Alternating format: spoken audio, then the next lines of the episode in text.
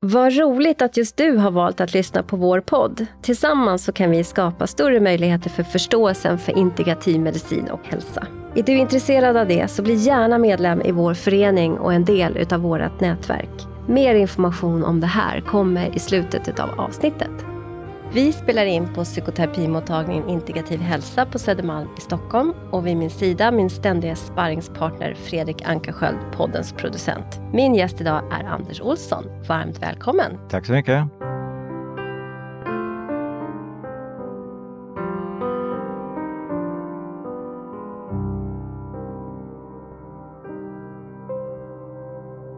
Anders, du är grundare av konceptet Medveten andning och har skrivit en bok med samma titel.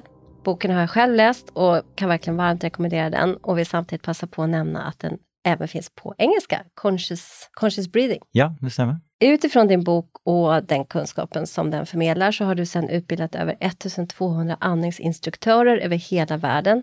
Och nu är du dessutom inbjuden till att göra ett TED-talk i höst i Chicago. Ja, Eh, förutom det här så har du tagit fram något som heter relaxator andningstränare och ligger också bakom idén och produkten Sleep Tape. ja det stämmer. Om vi börjar från början. Vad var det som ledde dig till att förstå att andning, bortsett från att det är A och O för vår överlevnad, var något viktigt? Ja, alltså min bakgrund är ju tidigare inom IT och sen så tyckte jag att jag hade gjort den där resan, sålde mitt företag och eh, snöade in på hälsa och då började jag bland annat att översätta lite böcker från engelska till svenska.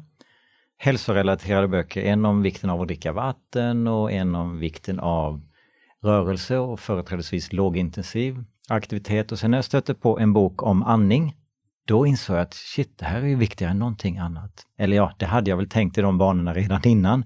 Men den här var så tydlig, den hette How to swap asthma for life, hur man blir av med sin astma. Och det var väldigt mycket fokuserat då på olika typer av andningsövningar. Och när jag började eh, tillämpa dem själv så upplevde jag ju ganska omgående effekt och, och min bakgrund är, jag brukar när jag är ute och föreläser säga att ja, men jag är lite mer eller mindre född i turbomod, att jag haft svårt att gå ner i varv, svårt att eh, lägga ur turbon, svårt att eh, slappna av. Och andningen är då ett fantastiskt redskap för att just hjälpa till med det. Så jag blev hooked och märkte effekten på mig själv och sen när även andra märkte effekt, ja men då var det ju självklart, det här ska jag sprida. Så då bestämde jag mig, det var 2009, jag ska bli världens ledande expert på andning. Du är på god väg. Ja, det vet jag inte, men jag har i alla fall kommit längre än 2009. Ja, men du har också blivit inbjuden faktiskt till Chicago för att göra ett TED-talk. Ja, jättekul. Från en, en man från Sverige, från IT-branschen som valde att eller bli, ja, men, bli, snöa in på hälsa. Mm. Mm. Varför det? Varför snöa in på hälsa? Vad var det som fick dig dit? Det var väl två huvudanledningar. Det ena var att jag kände inte att jag utvecklades längre i det jag höll på med då, att det måste finnas någonting mer. Det var mest att eh, jaga pengar och prylar och upplevelser. Och, eh, det var ju så jag började. Yes, jag ska tjäna pengar och jag ska bli miljonär och så vidare. Men sen i takt med att pengarna började trilla in så, så insåg jag att, ja men okej, okay, var det inte mer än så här? Det, det var en eh, växande tomhet inombords som blev större och större. Och det var den ena anledningen och samtidigt då i takt med att det här växer sig, växer sig allt starkare och att jag hade sålt mitt företag och vid den här tidpunkten var jag då anställd.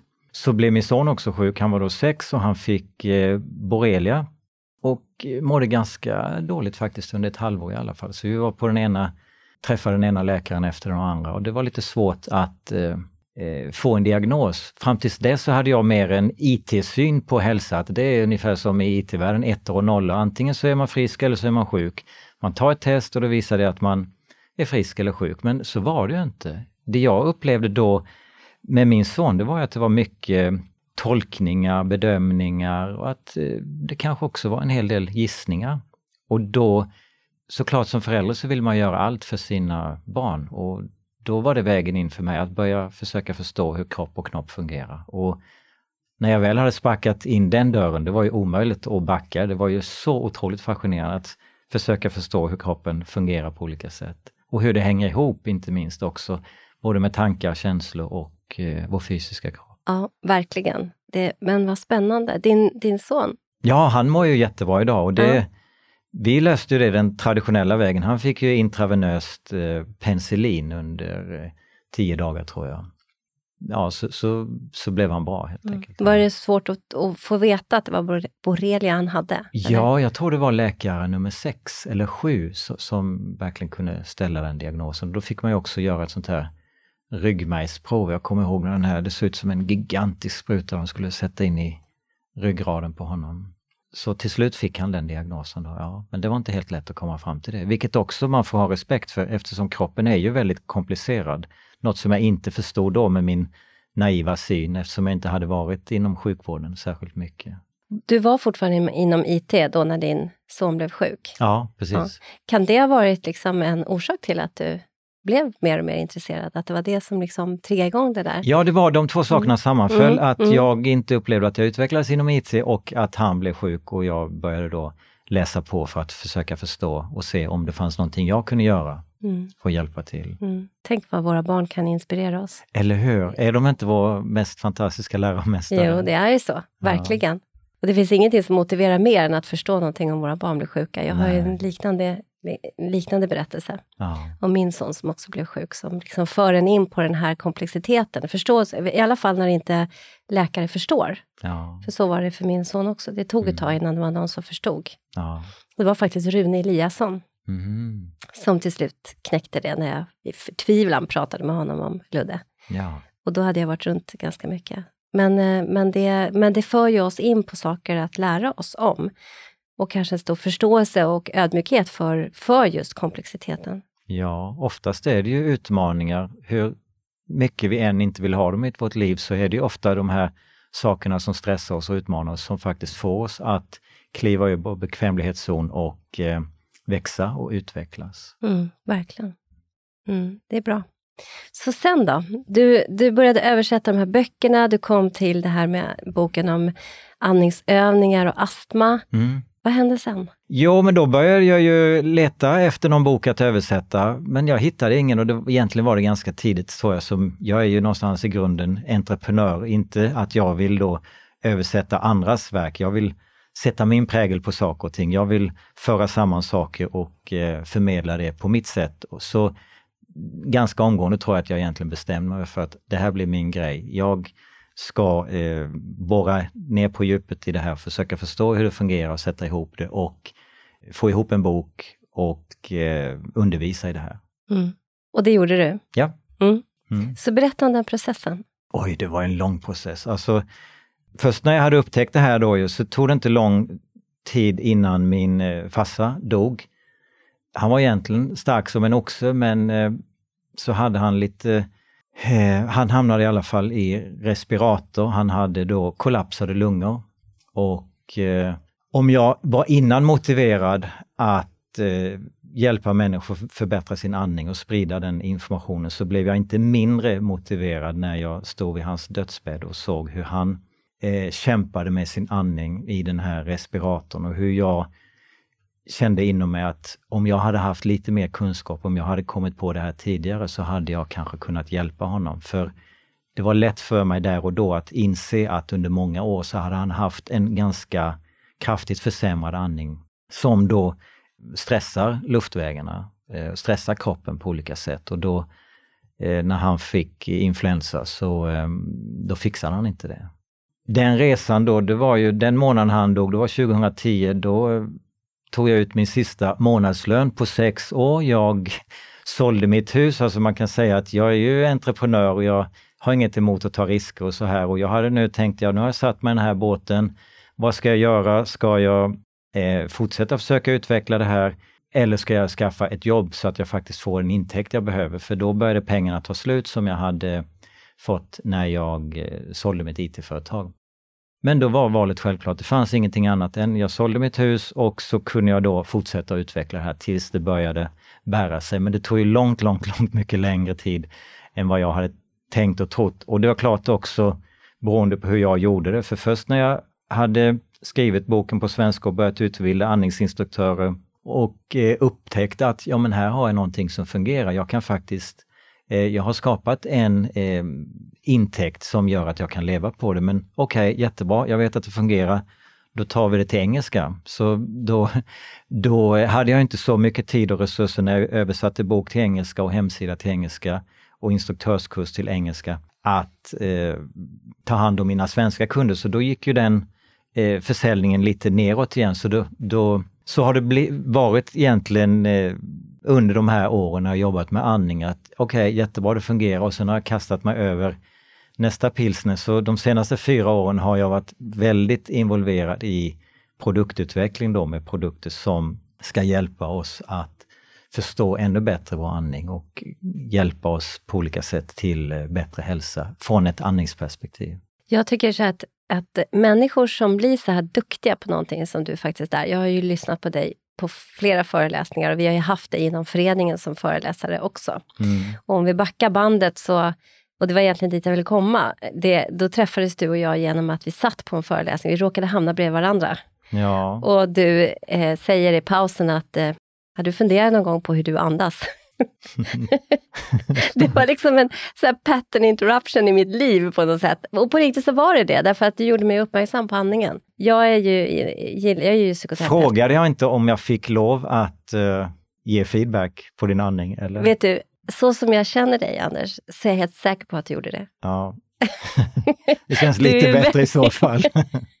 du, är väldigt, du är väldigt trevlig och gör, gör inga övertramp, så det gjorde du säkert. Men, och det var ju väldigt upplysande för mig att, att du gjorde det. Liksom att du påpekade det här.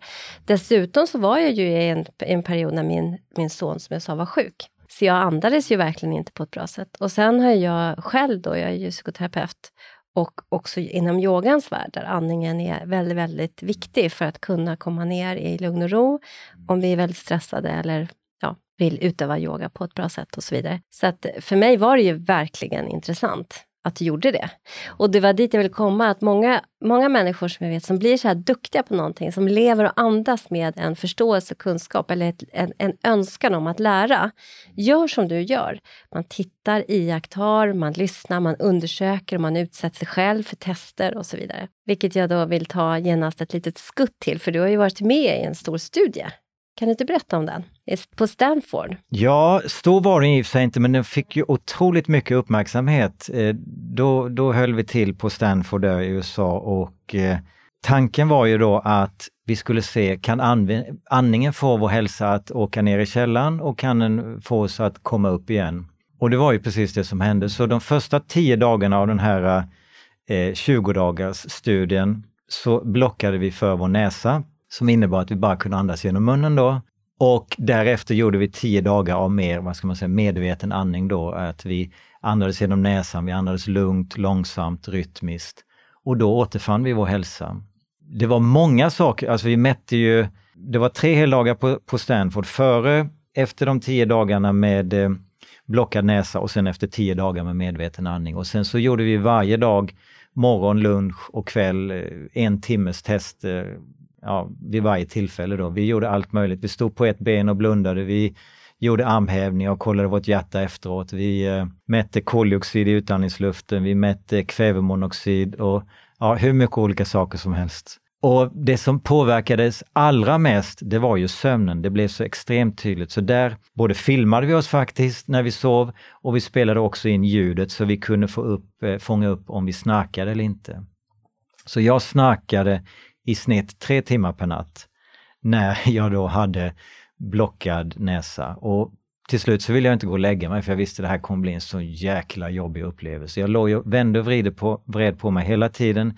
Jag vaknade fem, sex gånger varje natt. Jag var torr som en öken i munnen och trots att jag var så torr och trots att jag hade översatt en bok om vikten av att dricka vatten så var det som att hjärnan fattade inte. Många gånger så var jag helt trög i huvudet. Jag kunde, vet, jag kunde titta på vattenkranen, jag kunde känna hur torr jag var i munnen, men göra den kopplingen att nu kanske det skulle vara bra att dricka lite, det, det gjorde jag inte. Gud vad intressant. Ja, jag, jag, blev verkligen, och den här stressen som jag har växt upp med, den här, den här inre då, svårt att koppla av och gå ner i varv, den kom tillbaka. Det var så extremt tydligt. Jag vet vid flera tillfällen jag lagade lunch till exempel, skar lite sallad, det var nästan så jag fick räkna. En, två, tre, jo, jag har alla fingrarna kvar för jag skar gurka som om livet hängde på det. för att jag hade sån stark inre stress då, så när vi mätte adrenalinnivåerna så tror jag de för mig var tre eller fyra gånger högre under den här tiden. Det är ju som att kroppen kompenserar då. Sömnen blir dålig och då behöver vi kompensera för att eh, få energi på annat sätt. Så adrenalinet ökade och sockersuget ökade. Så innan vi började med den här blockade näsan, då hade jag eh, börjat gradera redan innan då på en skala från 1 till 10 sockersug och då var det ett några dagar innan studien började och sen ett par dagar in i studien var det fortfarande ett, så i princip inget sug alls. De sista fyra dagarna, då låg jag på mellan 7 och 8 och eh, då, de sista fyra dagarna då åt jag både glass och chokladkaka. Sista två dagarna var det också pizza och öl. Och jag lovar, hade jag fortsatt, då hade jag fortsatt med det här. Det var så starkt, jag behövde belöna mig, det där var mina grejer, ta inte det ifrån mig.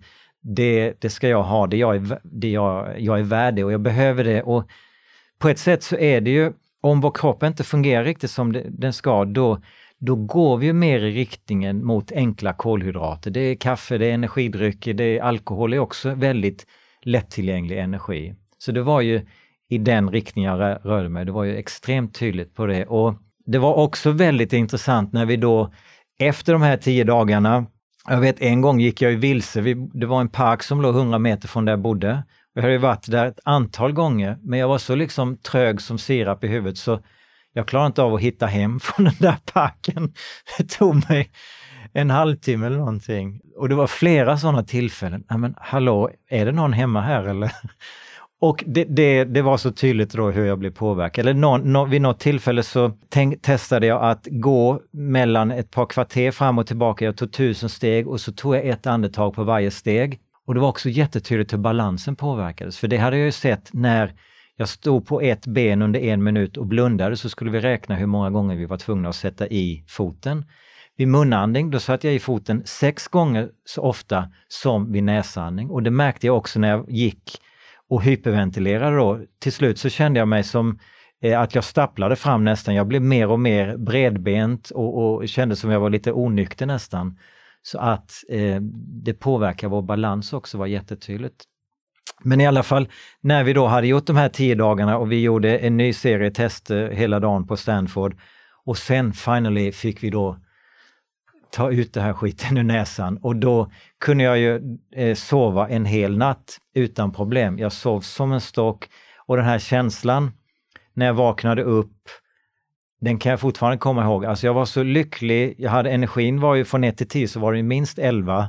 Jag kunde inte sluta skratta, inte sluta le, eh, inte sluta sjunga.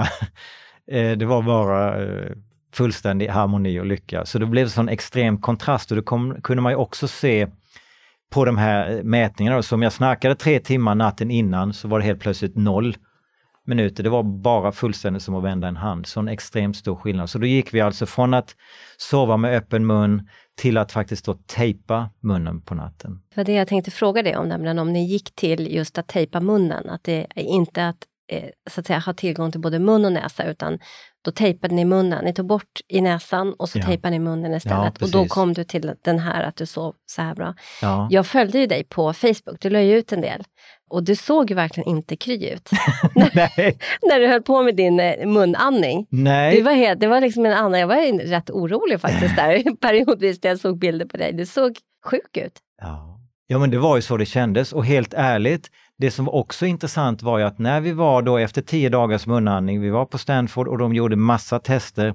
Helt ärligt, det enda vi fick höra var It's okay, it's fine, it's within the range, you are fine. Nej men vi mår ju skit. Det, det var verkligen så det kändes. Inte en dag till med det här. Eh. Så vi var väl helt enkelt inte tillräckligt sjuka för att det ska fångas upp på testerna. Så det är också, tycker jag, en viktig kunskap och viktigt att ha med sig vi tar kanske tester som man gör inom sjukvården för sanningen, men det är ju faktiskt inte så. Från många perspektiv så kan de faktiskt vara lite rudimentära och att vi har en tendens kanske att överskatta deras eh, betydelse.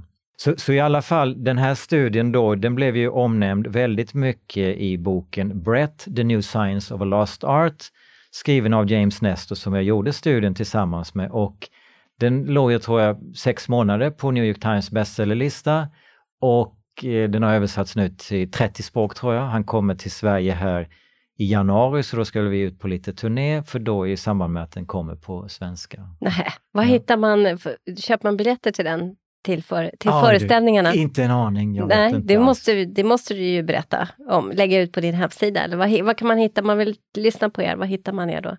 Mm. Var hittar man information? Ja, jag kommer lägga ut på hemsidan medvetenandning.se mm. så mm. finns det också en eh, grupp på Facebook som heter Medveten andning och Instagram också.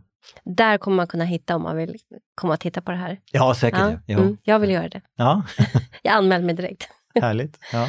Ja, okej. Okay. alltså, jag, tänker, jag går bara tillbaka till just det här om man är själv är förkyld mm. och täppt i näsan.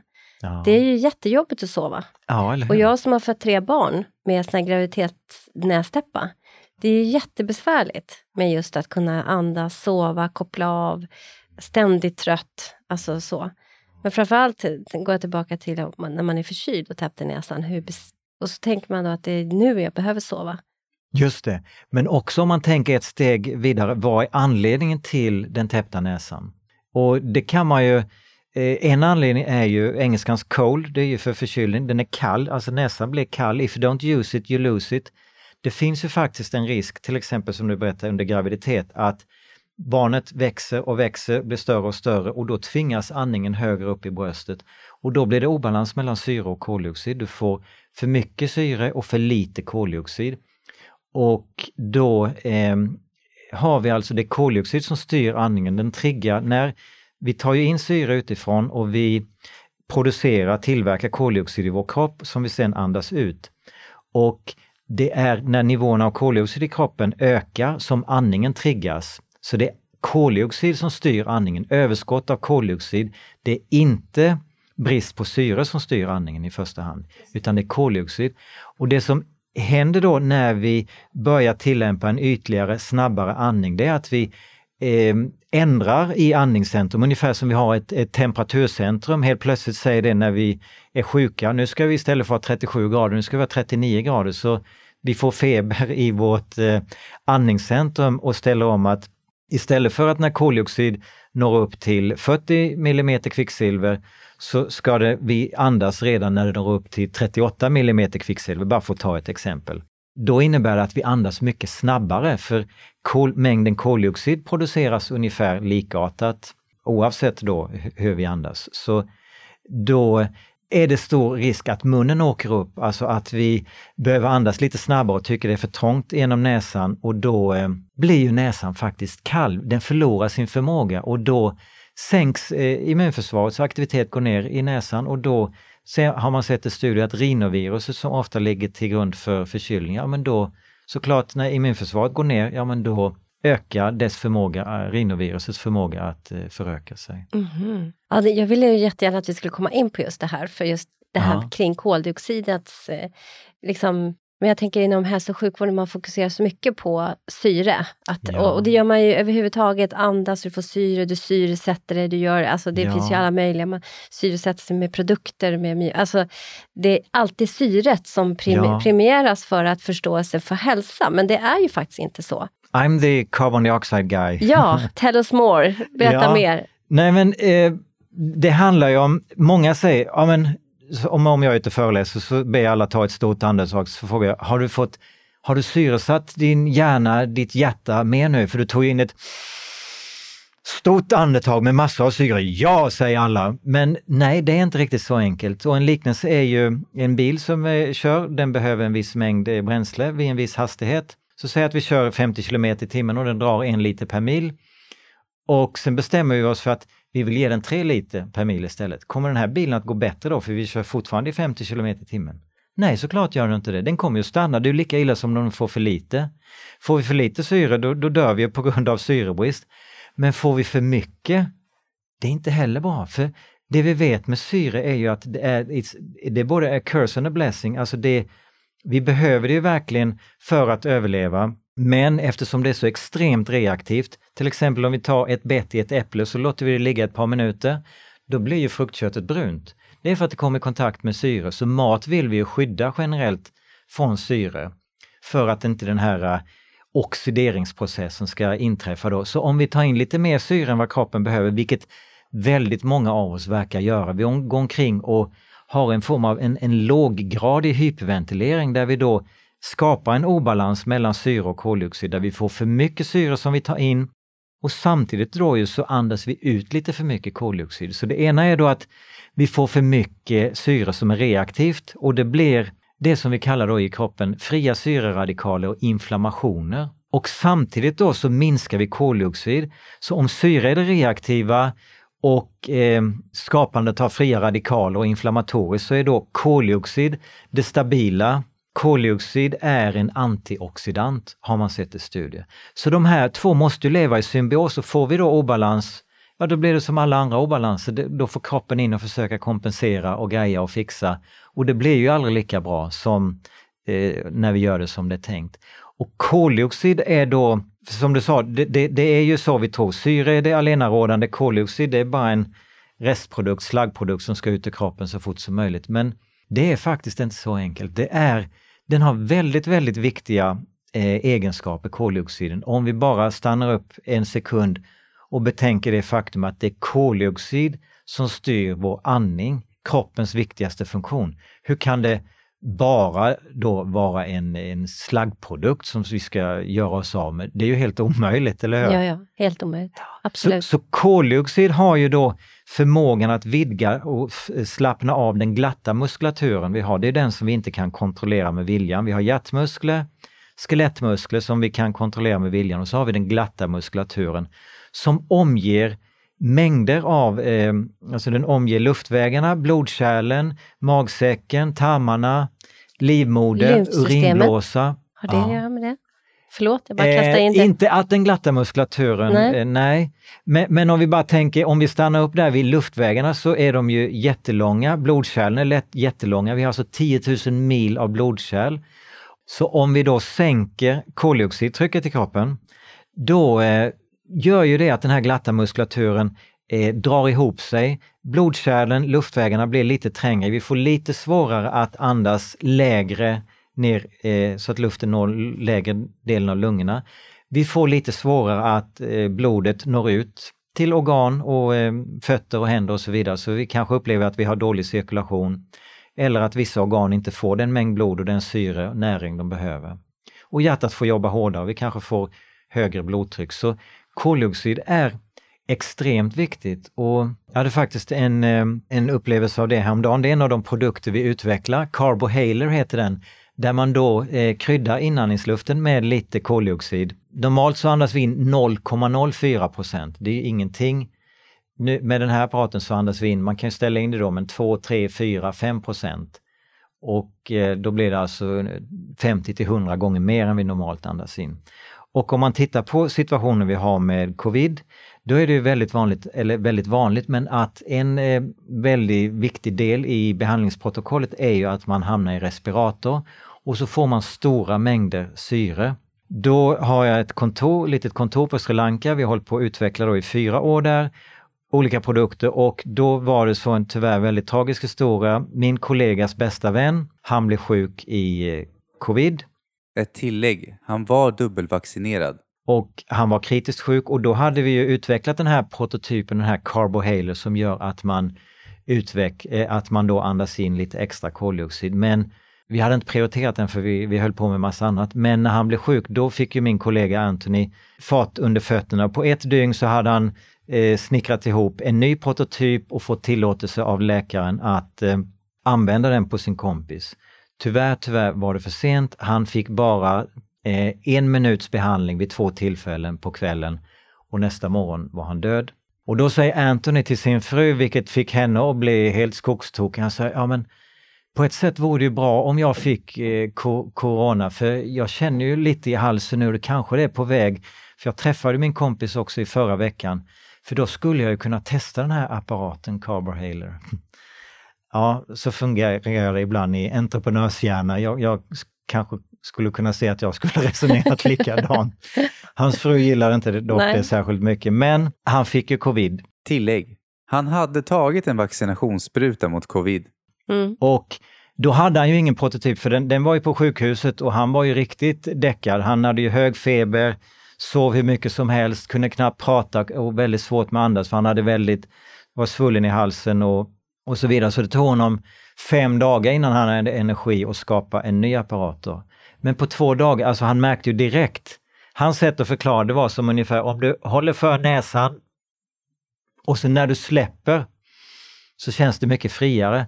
Det var så det kändes i luftvägarna. Så fort han andades in eh, koldioxiden då så vidgades luftvägarna, det blev lättare att andas. Omedelbart så när man, när man har problem med luftvägarna så kan man ofta se det på den här syrgasmättnad. Saturationsmätaren. Ja, saturationsmätaren. Mm. Den sjunker då. Så omgående så ökade den till 99% och stabiliserade sig där. Hostan försvann direkt och på två dagar så var han helt tillbaka på jobbet. Så, så nu håller vi då på både i Sri Lanka, på Sri Lanka heter det, och i Indien har ett litet kontor där också. För där är vägarna lite snabbare från idé till att testa inom sjukvården. Då. Så då håller vi nu på att utvärdera om den här produkten kan hjälpa människor som har covid. Åh, vad intressant! Då får vi kanske höra talas om det sen. Ja. Vi får se vad som händer i Indien och Sri Lanka. Får vi bjuda in dig hit igen för att berätta?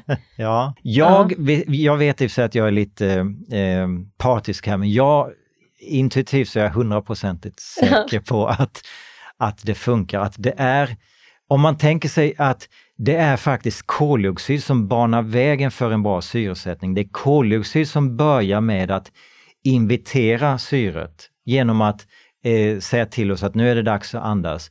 Det är koldioxid som vidgar luftvägarna som då inviterar luften vi andas in, inviterar eh, syret ner i lungorna. Det är koldioxid som vidgar blodkärlen som inviterar eh, vidare då syret ut i blodet och sen har också koldioxid en avgörande effekt, det kallas boreffekten att helt enkelt kicka bort syret från, det är ju bundet till hemoglobin i blodet, men någonstans vill vi att det ska lämna blodet och åka ut i cellerna och göra nytta där det behövs för att producera energi och då bidrar koldioxid till att eh, hemoglobinet ändrar form och frigör syret. Mm, Så hela vägen kan man se det som att det är koldioxid som banar väg Som driver processen. Som driver processen, mm. precis. Vi mm. har en då mer, jag skulle till och med kunna säga att syre, det är mer sympaticus, det är mer reaktivt, det är mer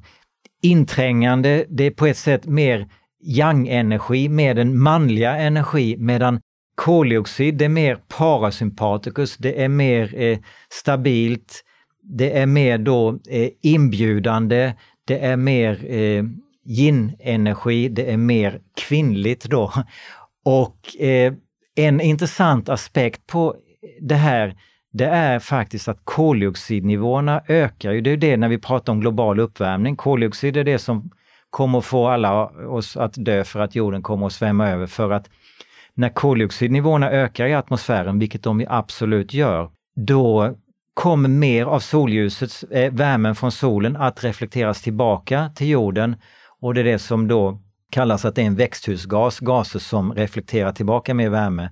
Och så höjs temperaturen och så smälter isarna och så dör vi av översvämning. Så oavsett vi, hur vi förhåller oss till eh, eh klimatteorin så är det faktum så att koldioxidnivåerna ökar i atmosfären.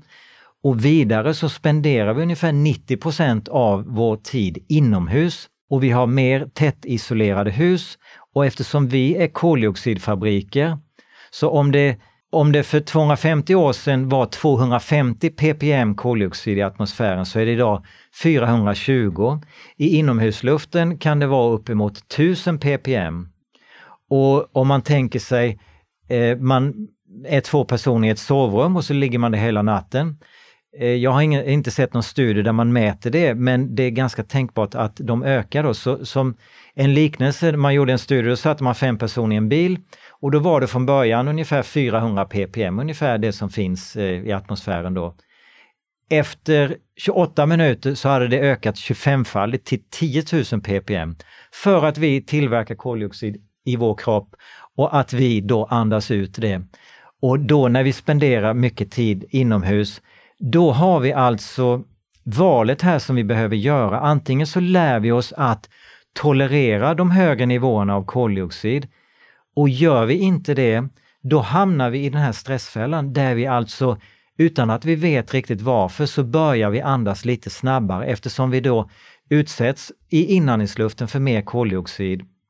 Och samtidigt som vi då är mer eh, inaktiva, alltså vår koldioxidtolerans med den livsstil vi har, den eh, verkar minska och minska och samtidigt som då koldioxidnivåerna i vår externa miljö ökar. Så det är extremt viktigt för oss att eh, förstå den här dynamiken och förstå att om vi inte lär oss det här så, så kommer vi faktiskt att hamna mer och mer i den här stressfällan. Så den, vad ska man säga, ultimata stressen kanske är fel ord för det låter som något positivt, men om vi har en panikångestattack, då är vi extremt stressad. Och om vi har det och kommer till sjukhuset, då får vi faktiskt en påse att andas i. Och anledningen till att det fungerar, påsandning, det är ju för att vi eh, andas ut i den här påsen och då innehåller utandningsluften ungefär 100 gånger mer koldioxid än vad vi andas in.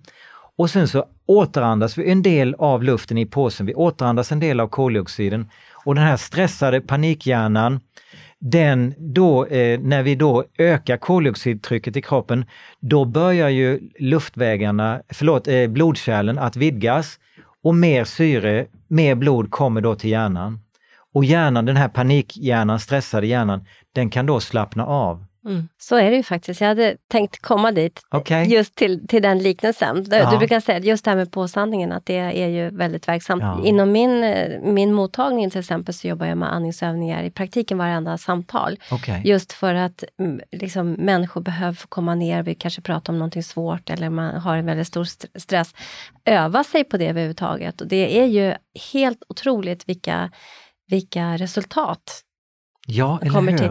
Sen, sen så är det ju där också någonting att man måste träna sig i, för att mina patienter som jag försöker lära, de kan också komma tillbaka och säga, inte alla såklart, men är, vissa, att men det går inte när jag är själv. Jag kommer inte ner samma, på samma sätt när jag är ensam med andning som när jag gör det här tillsammans med dig. Den är också intressant, men vi människor behöver ju varandra. Vi är ju flockdjur, så det, kan ju, ja. det är ju andra psykologiska faktorer. Men, ja. men just andningen, att den är så... Det är en väldigt snabb eh, behandling för att när vi är för ja. mycket i sympaticus av vad det nu är för skäl som vi är där. Precis. Och när vi är i sympaticus så är vi också mer spända och då blir det som att det är ju en mängd muskler som faktiskt kan påverka vår andning på ett negativt sätt som gör att vi, när vi spänner oss på olika sätt, alltså bara om vi har en ihopsjunken hållning, då är det i princip omöjligt att använda diafragman och andas lågt, utan då blir ju andningen automatiskt ytligare. Men även om vi på olika sätt har spänningar, och jag kan tänka mig då i en situation där de är med dig och du skapar ett lugn och trygghet som gör att de slappnar av mer, då blir det lättare att, eh, att andas på ett eh, bättre sätt. Mm. Ja.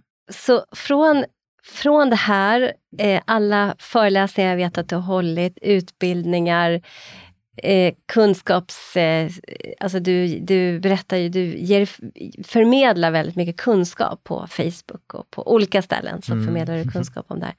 Så är du nu inbjuden till Chicago. Ja. TED-talk, berätta. Yeah. Hur, liksom, yeah.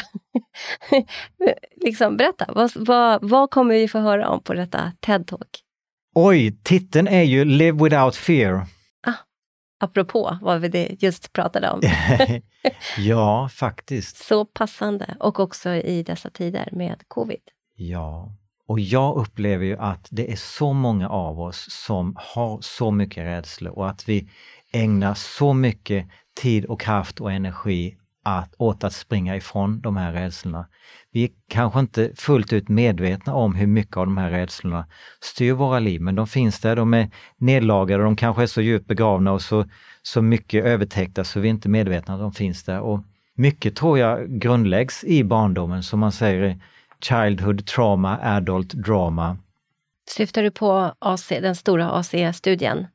Nej, Adverse, nej, det, nej. nej, inte på någon studie nej, utan bara, nej. bara generellt. Ja. Jag menar, mm. jag tror alla kan relatera det om man mm. tittar sig själv i spegeln. det finns ju en jättestor studie, en amerikansk studie som ja. ACE-studien, Adverse Childhood Trauma, okay. eh, ACE Experience. Okay. Eh, som, där man ser en direkt koppling mm. från att man, om man har varit utsatt för svåra relationella erfarenheter, då, psykologiska mm. trauman, ja. uh, och sen så har man sett uh, en väldig, alltså det korrelerar med senare utveckling av somatisk sjukdom. Man har sett alla möjliga hjärtkärl, till och med cancer har man kunnat peka på. Och den är omfattar, och den är pågående och den är okay. liksom uppdelad i olika sessioner, så man har tittat på olika diagnoser, olika... Ja. Sitta, ja, och den är under utveckling. Den är, den är väldigt, väldigt spännande faktiskt. Ja. Så, förlåt, jag nej, avbröt dig. Fortsätt. Jätteintressant. Ja, och det, nej, min övertygelse är absolut att rädslor styr mycket mer än vi vill och vågar erkänna och då anammar vi olika strategier. Det är att vi jobbar, eh, tränar, eh, sex, eh, alltså, eller relationer, eh, alkohol, droger, alkohol, mm. droger mat, mm. mängder av olika mm. saker som är ett sätt att fly från det här jobbiga. En av mina största rädslor det var ju att prata inför folk. Verkligen förlamande rädsla, alltså så extremt jobbigt. Man bara satt en grupp, 5-10 personer och så skulle, ja, nu ska vi presentera oss. Och min puls 200 och bara hjärtat slog som en stånghammare. Där var jag liksom. Och jag eh, bestämde mig för att jag vill ta tjuren vid hornen. Jag vill inte vara en slav under den här rädslan och eh, lyckades då bli av med den. Det är faktiskt en stor del av mitt yrke numera att eh, föreläsa. Och jag är övertygad om att det som skrämmer oss allra mest, om vi vågar e-, erkänna det för oss själva, liksom när lampan är släckt, sminket är borta och allt det där, vi är bara nakna med oss själva och vi tittar inåt. Vad är det jag är allra mest rädd för? Om vi vågar möta det, jag tror det är det som eh, är, för, är, är möjligt för oss att växa som allra mest. Det är våra största utmaningar. Om vi väl vågar ta de tjuren vid hornen, den tjuren vid hornen och utmana den rädslan så kommer så många andra rädslor också att eh, försvinna. Jag brukar säga så här att den växlingen från rädsla till nyfikenhet, ja. om vi lyckas med det, mm. då, då, kan, då, finns det liksom ingen limit för hur mycket vi kan växa som Nej. människor, utvecklas, ta reda på, bidra med till den här världen. Men rädslan gör ju per automatik så att vi, vi fastnar.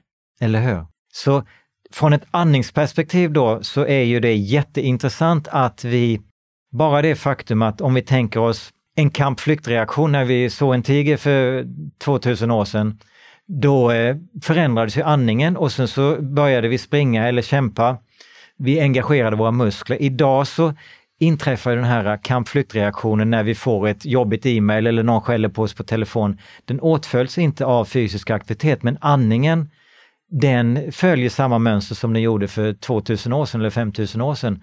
Där vi alltså, när vi går in i en kampflykt så förändras vår andning också. Och då är inte den längre ändamålsenlig den här stressresponsen. Och en ett sätt man kan se det på det är ju att vi har massa rädslor lagrade i magtrakten. Vi pratar om fjärilar i magen eller oh, nu ska jag göra något jobbigt här och så måste vi gå på toaletten för vi blir lösa i magen eller har ont i magen. Ont i magen, eller hur? Och, och ett sätt då att fly från de här jobbiga rädslorna, det är helt enkelt precis som vi flydde från en tiger tidigare så flyttar vi upp andningen högre upp i bröstet om vi inte använder diafragman lika mycket, då kommer vi inte i kontakt med det här jobbiga som finns nere i magtrakten. Och det är många som kan bekräfta det, när de börjar andningsträna, börjar förbättra sin andning, börjar aktivera diafragman mer och andas lite lägre, så kommer man i kontakt med det här jobbiga. Det är det ena. Och det andra är att det sker mer omärkligt. Det, sker, det märks inte, det sker under ytan och sen helt plötsligt ett halvår senare, ett år senare så inser man, oj, den där situationen som jag brukade vara livrädd för eller undvika som pesten, ja men den bekommer man inte någonting alls. Och det är tänkbart att vi eh, med en lägre diafragmaandning kan liksom gjuta olja på vågorna där och eh, istället för att de här rädslorna växer till sig och blir allt större och större och till slut tar över så kan vi istället gå i den motsatta riktningen och få dem att minska och minska och kanske till slut även försvinna. Sen beror det på klart, såklart vilken nivå av trauma man har. Det, det, det, hjälper ju inte i alla fall säkert att bara att sitta och andas lite. Man kan behöva Men det kraftfulla... hjälper långt, ska jag säga. Ja. Det hjälper väldigt långt. Sen, ja. sen är det ett hållande, man behöver göra kanske interventioner ibland, man behöver trycka, man behöver förstå. Ja. Eh, och framförallt en människa som mår väldigt dåligt behöver vara tillsammans med någon annan som håller i situationen. Men jag, eftersom jag använder mig av, av de här, och jag är inte ensam om det, jag tänker att de allra flesta psykoterapeut faktiskt gör det, har Ja. fått en förståelse för det här idag. Ja. Vilket jag tror att du är en del utav, den, att sprida den kunskapen i ja, Sverige. Så är det faktiskt helt eh, otroligt hur snabbt det går. Så att den här kunskapen som du sprider och som du jobbar för, den är ovärderlig. För så, eftersom också psykisk ohälsa ökar så mycket och nu här i covid-tider så har det ju ökat ännu mera. Ja, i alla fall så blir det väldigt tydligt, ungefär som precis som mobiltelefonen har fått oss alla att inse att vi har mer eller mindre OCD, väl att vi, vi far och kollar i den hela tiden. Det är svårt att dölja det.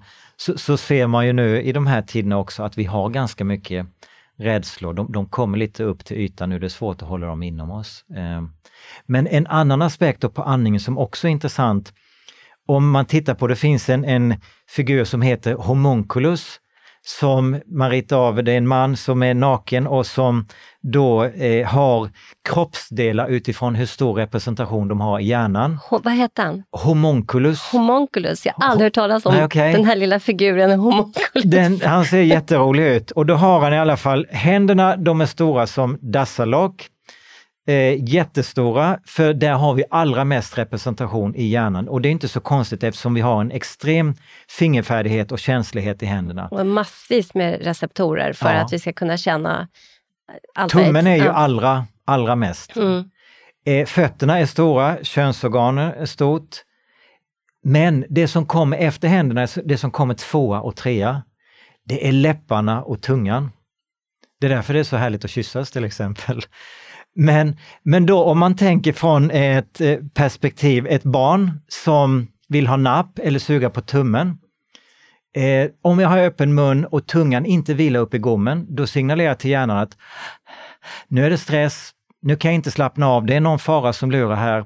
Jämfört med om jag stänger munnen så läpparna är ihop, tungan är uppe i gommen, då kommunicerar jag till hjärnan att nu är det lugn och ro. Samma sätt med händerna, spänner jag dem, då är det också en, en stressreaktion som jag sänder till hjärnan. Nu måste jag vara alert medan om de är avslappnade. Jag kan komma på mig själv ibland, kolla på någon actionfilm eller något och så helt plötsligt så har jag händerna Du är smittad av tillstånden på Spända, filmen. ja, precis, ja. Mm. Så om man tänker då att en anledning till att en, en del barn är så extremt beroende av napp eller suga på tummen kan vara att de kanske sover med öppen mun, så de inte får den här trygghetskänslan.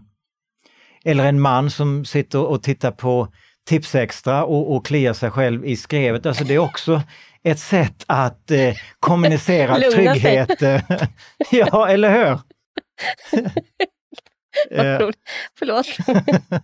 Ja, men visst är, det- visst är det logiskt? Ja, så jo, så återigen, då är det när vi andas genom näsan, då har vi munnen stängd eh, och, och talar om för hjärnan att eh, det är lugn, det är ingen fara på taket. Jag sitter med en parallell, liksom parallelltanke kring det här med, med nappen. För bebisar, jag har ju tre barn, och jag har ammat dem. Det är ju det, är det första, att det sugandet. Ja, ja, Barnet? Ja. näsandas, suger på, på bröstet och ammar liksom, och somnar oftast, eller väldigt, Mm. Ja. blir väldigt lugna. Liksom. att suga på bröstet, då blir ju också tungan, det skapas ju ett vakuum där ju, Mm, mm, tungan precis. blir upp mot gommen. Så det är Ja, liksom någonting väldigt så här, naturligt och, och kanske också en betingning. ja. Eller ja.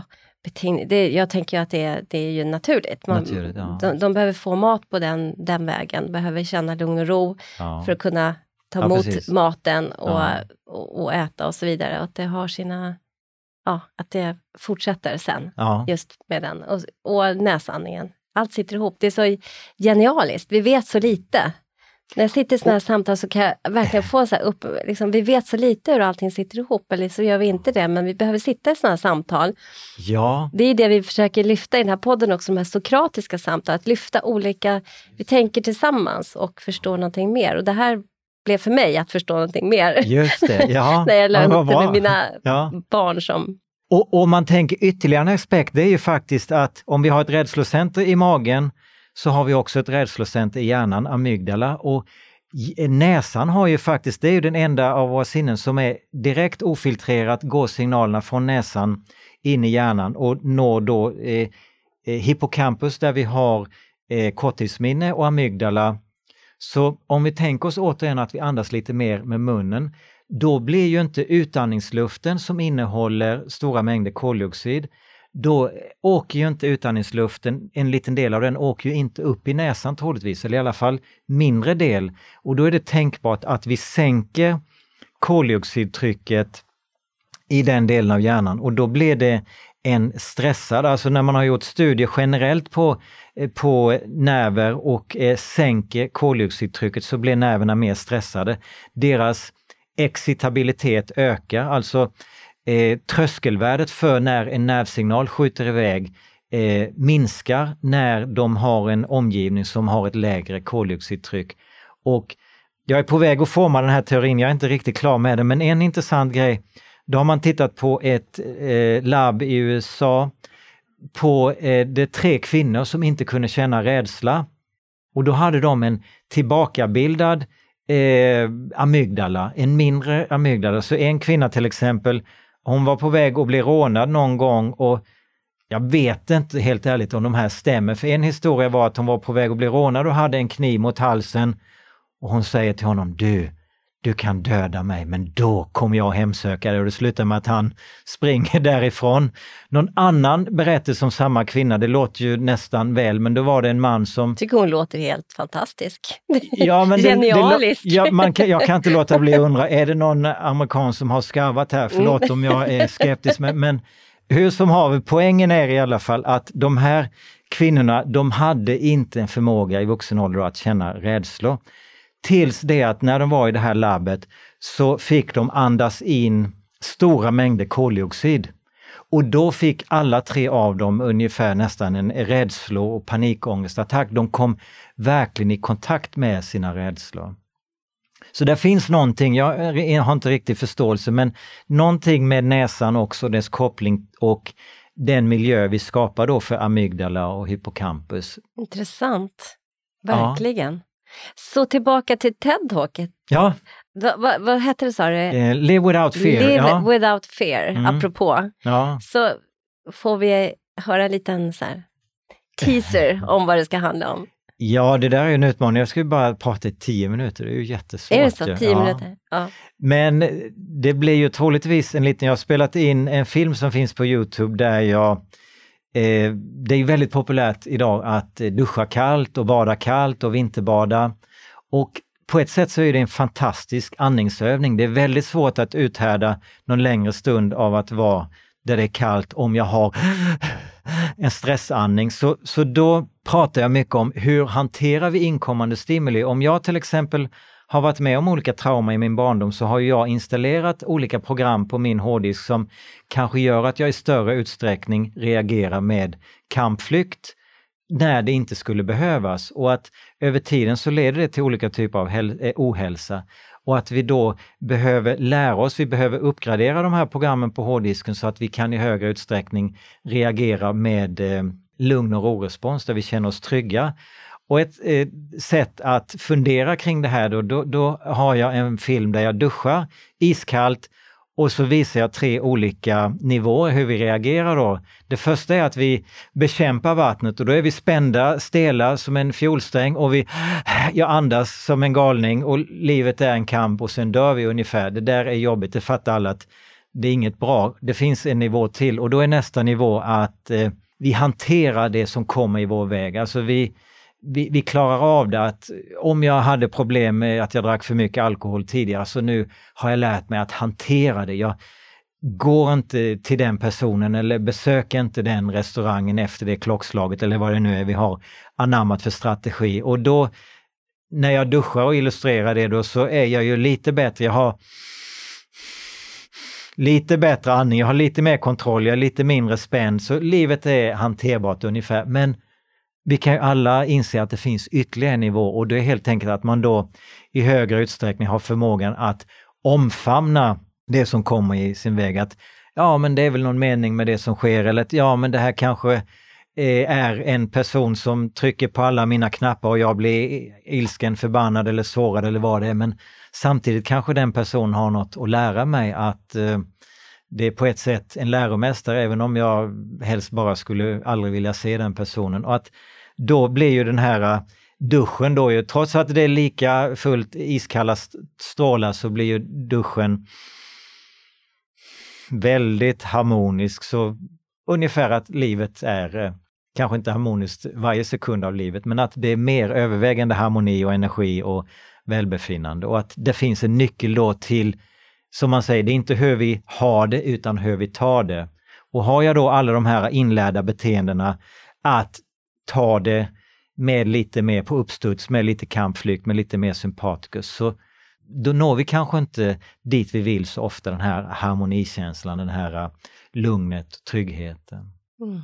Att, verkligen, det var som så musik att sitta och lyssna på med just isomorfi, för det är det du pratar om, gemensamma okay. mönster utav eh, andetaget i relation till hur vi tar det i livet. Eller? Ja. Jag tänker att vi kan hitta det på så eller jag vet att vi kan hitta det på så många olika nivåer. Ja. Och då sitter jag också med och tänker på hur jag själv beter mig när jag ska ner i ett kallbad. Jag undviker ju helst det. och ja. kalla duschar också. jag vill gärna ha det varmt och skönt och lustfyllt. Men eh, jag utsätter mig för det här ibland och då när jag hoppar ner i något kallt bad så kan jag knappt andas. Nej. Vad har du för tips till mig då? Jag hoppar ner där och bara Nyckeln sitter ju i utandningen. Om vi, om vi överdriver hela så är ju inandning, det är aktivitetsandning. Det är liksom Hjälp, vad är faran, vad är tigen? Och så aktiverar vi kroppen, vi spänner musklerna, vi gör oss redo för att fly eller fäkta. Medan nu kan vi slappna av, faran är över, nu är vi lugna, nu är vi trygga och så har vi en suckutandning, en lång utandning. Så man ser ju det även fysiskt att Hjärtat stiger vid inandning, musklerna är aktiva, diafragman rör sig neråt, muskler i bröstkorgen expanderar medan utandning då sjunker pulsen, musklerna de går bara tillbaka till sitt ursprungsläge. Så vi blir mer i parasympaticus. Sympaticus är aktivitet, så om man bara då kan förlänga utandning lite, så det, det gör man ju förslagsvis då om man går in i den kalla duschen, om man eh, kliver ner i det kalla vattnet, om man ska ta en spruta, om man ska göra något som är jobbigt, så gör man det allra bäst på utandning. Då är vi allra mest avslappnade. Så det är mitt lilla tips. Mm. Jag, jag kan verkligen se det. Jag ser mig själv när jag ska kliva ner i det där kalla vattnet på stranden och hur jag andas uppe i bröstet. Liksom. Eller precis när jag står på bryggan och ska hoppa, då är det uppe i halsen. Ja, och så vidare. Så, vidare. Ja. så det är ett bra tips, absolut. Ja. Tack så mycket. Så nu börjar ju våran tid ta slut. Okay. Det har varit liksom fan, helt fantastiskt samtal och så otroligt berikande. Men innan vi slutar så skulle jag vilja fråga dig om det är någonting som du känner att du skulle vilja ta upp i vårt samtal som vi inte har pratat om. Alltså syftet med medveten andning det är, ju, det är ju faktiskt att hjälpa människor fatta klokare beslut i sin vardag genom dels att syresätta hjärnan lite bättre. Då blir vi lite smartare. Alla kan vi känna till stressandningen och att då är vi inte så himla smarta. Och att också inse att vi har en superkraft inombords som vi kan tillämpa när som helst, var som helst. Vi kan gå till vår andning och då kan vi grunda oss, bli närvarande här och nu. Som en tennisspelare som har varit ute och farit vid, fram vid nätet eller ut vid sidorna vill återvända till baslinjen för att bättre kunna ta emot nästa eh, boll precis som vi ibland behöver grunda oss och gå från att ha tunnelseende och, och, mer stress till att få vidvinkel och större perspektiv och inse att vi har många olika sätt vi reager, kan reagera på. Vi är inte slav under de inlärda beteenden som kanske när någon trycker på den eller den knappen så leder det till ilska eller rädsla eller, eh, eller vad det nu kan vara. Att vi, vi kan ha alla möjligheter att uppgradera de här programmen, de, de beteendena som vi har. Så att vi kan, vi är inte slav under dem, vi kan reagera annorlunda. Att andetaget kan köpa oss den millisekund eller halvsekund eller vad det nu är vi behöver för att eh, reagera annorlunda. Verkligen, och det, det, det är så otroligt viktigt det du säger. Och hur det också påverkar, apropå isomorfi, hur det påverkar hela vår kropp, ända in till den lilla cellen att ta medvetna beslut om hur den ska fungera, vilka substanser som ska in och ut ja, och, så, och så vidare. Så. Och, ja, och så på samma sätt som jag under större delen av mitt liv är det ju ändå fortfarande, för det är inte så länge sedan jag började med andning, så har jag ju ägnat mitt liv åt att stressa upp mig själv och min omgivning. Och, det, jag ser ju det, hur tydligt det är. Är vi lite stressade, då har vi en stressad andning och då skapar vi mer stress i vår omgivning. Om vi kan bli lite mer grundade, tänka att vi tar ungefär tusen andetag per timme. Hur kan jag göra för att ta dem lite mer i linje med den här avslappningsandningen som innebär då näsandning, långsam, rytmisk, diafragma, låg andning. Hur kan jag öka den andelen och då också bli lite lugnare, lite tryggare, så kommer det att ge ringar på vattnet. Det är inte bara att jag blir tryggare och lugnare och över tiden kommer att fatta lite klokare beslut. Jag sprider det även till min omgivning och någonstans är det ju så vi, vi skapar förändring i världen. Det startar på individnivå. Om alla blir lite mjukare, lite snällare och hamnar lite mer sällan i kampflykt. Jag säger inte att vi inte ska vara där men att vi generellt så är väl vår värld lite för ofta där, lite för kortsiktigt, lite för stressad, lite för mycket tunnelseende. Om vi då kan ändra vårt beteende, det räcker ju bara med en, en liten, liten del så, så blir det ringar på vattnet och över tiden så kommer vi att skapa en förändring då där vi blir lite mer långsiktiga i vårt tänkande, lite mer eftertänksamma och lite, ja, lite klokare beslut. Anders Olsson, stort tack för att du gav oss din tid och var med i den här podden. Tack Lena, jättekul tack. att vara med. Tack.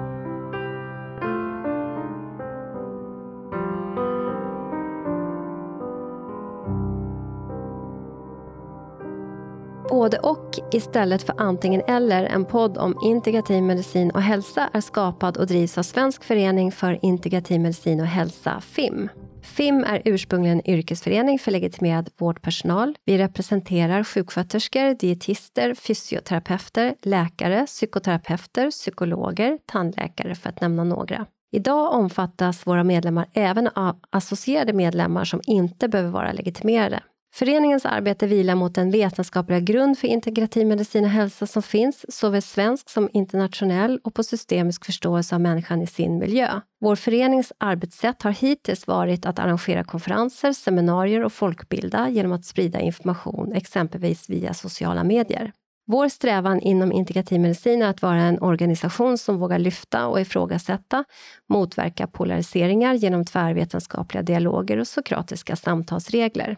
Vi vill kartlägga forskning som bedrivs, även internationellt, och hålla koll på aktuella forskningsresultat om behandlingsmetoder, både vad det gäller den etablerade vården liksom den vård som bedrivs utanför den etablerade vården.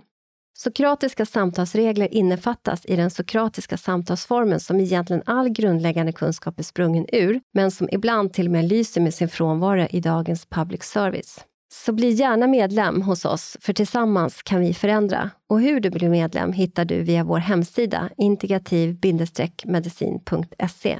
Vi ses och hörs i nästa avsnitt.